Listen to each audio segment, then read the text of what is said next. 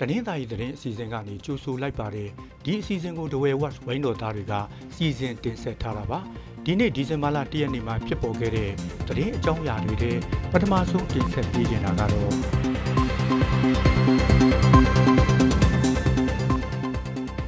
ဒဝဲမြို့အဝင်မှာခရီးသည်တင်ကားတစ်စီးမှောက်လို့လူသေးဆုံးခဲ့တဲ့သတင်းကိုပြောပြသွားပါမယ်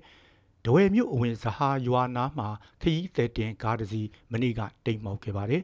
မော်လမြိုင်ဘက်ကလာတဲ့အဲ့ဒီခရီးသည်တင်အန်စာတုံးကားတိမ်မှောက်ရာမှာခရီးသည်တဦးသေဆုံးပြီး၄ဦးဒဏ်ရာရခဲ့တာပါမြစ်တာမြို့ဖောင်းတော်ရွာနေအမျိုးသမီးတဦးသေဆုံးပြီးအခြားအမျိုးသမီး၄ဦးဒဏ်ရာရသွားခဲ့တာပါအဲ့ဒီကားဟာမော်လမြိုင်အခြေဆိုင်ထုံးမြင့်မှုရင်လိုင်းကခရီးသည်တင်ရင်ဖြစ်ပြီးဒဝဲကိုစင်းလုံးကလိုက်လာတာလို့ဆိုပါတယ်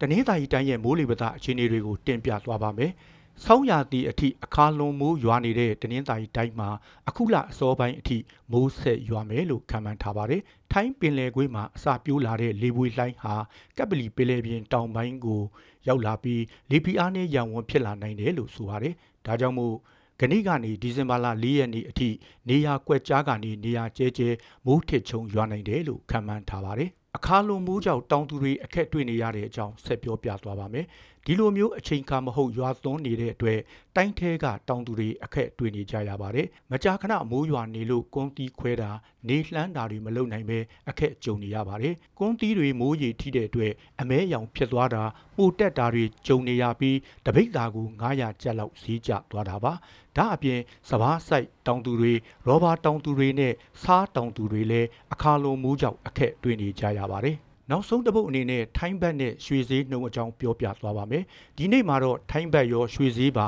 အတက်အကျမရှိဖြစ်နေပါတယ်။တဝယ်ဒေသငွေလဲနှုန်းထားတွေအရထိုင်းငွေတစ်ပတ်ကို80ကျပ်စွန်းစွန်းပေါက်ဈေးရှိနေတာပါ။အခောက်ရွှေကတော့တစ်ပတ်လုံးကြီးပါဈေးငြိမ်နေပြီးတစ်ကြက်သားကို26သိန်း5000နဲ့ရောင်းချနေကြတာပါ။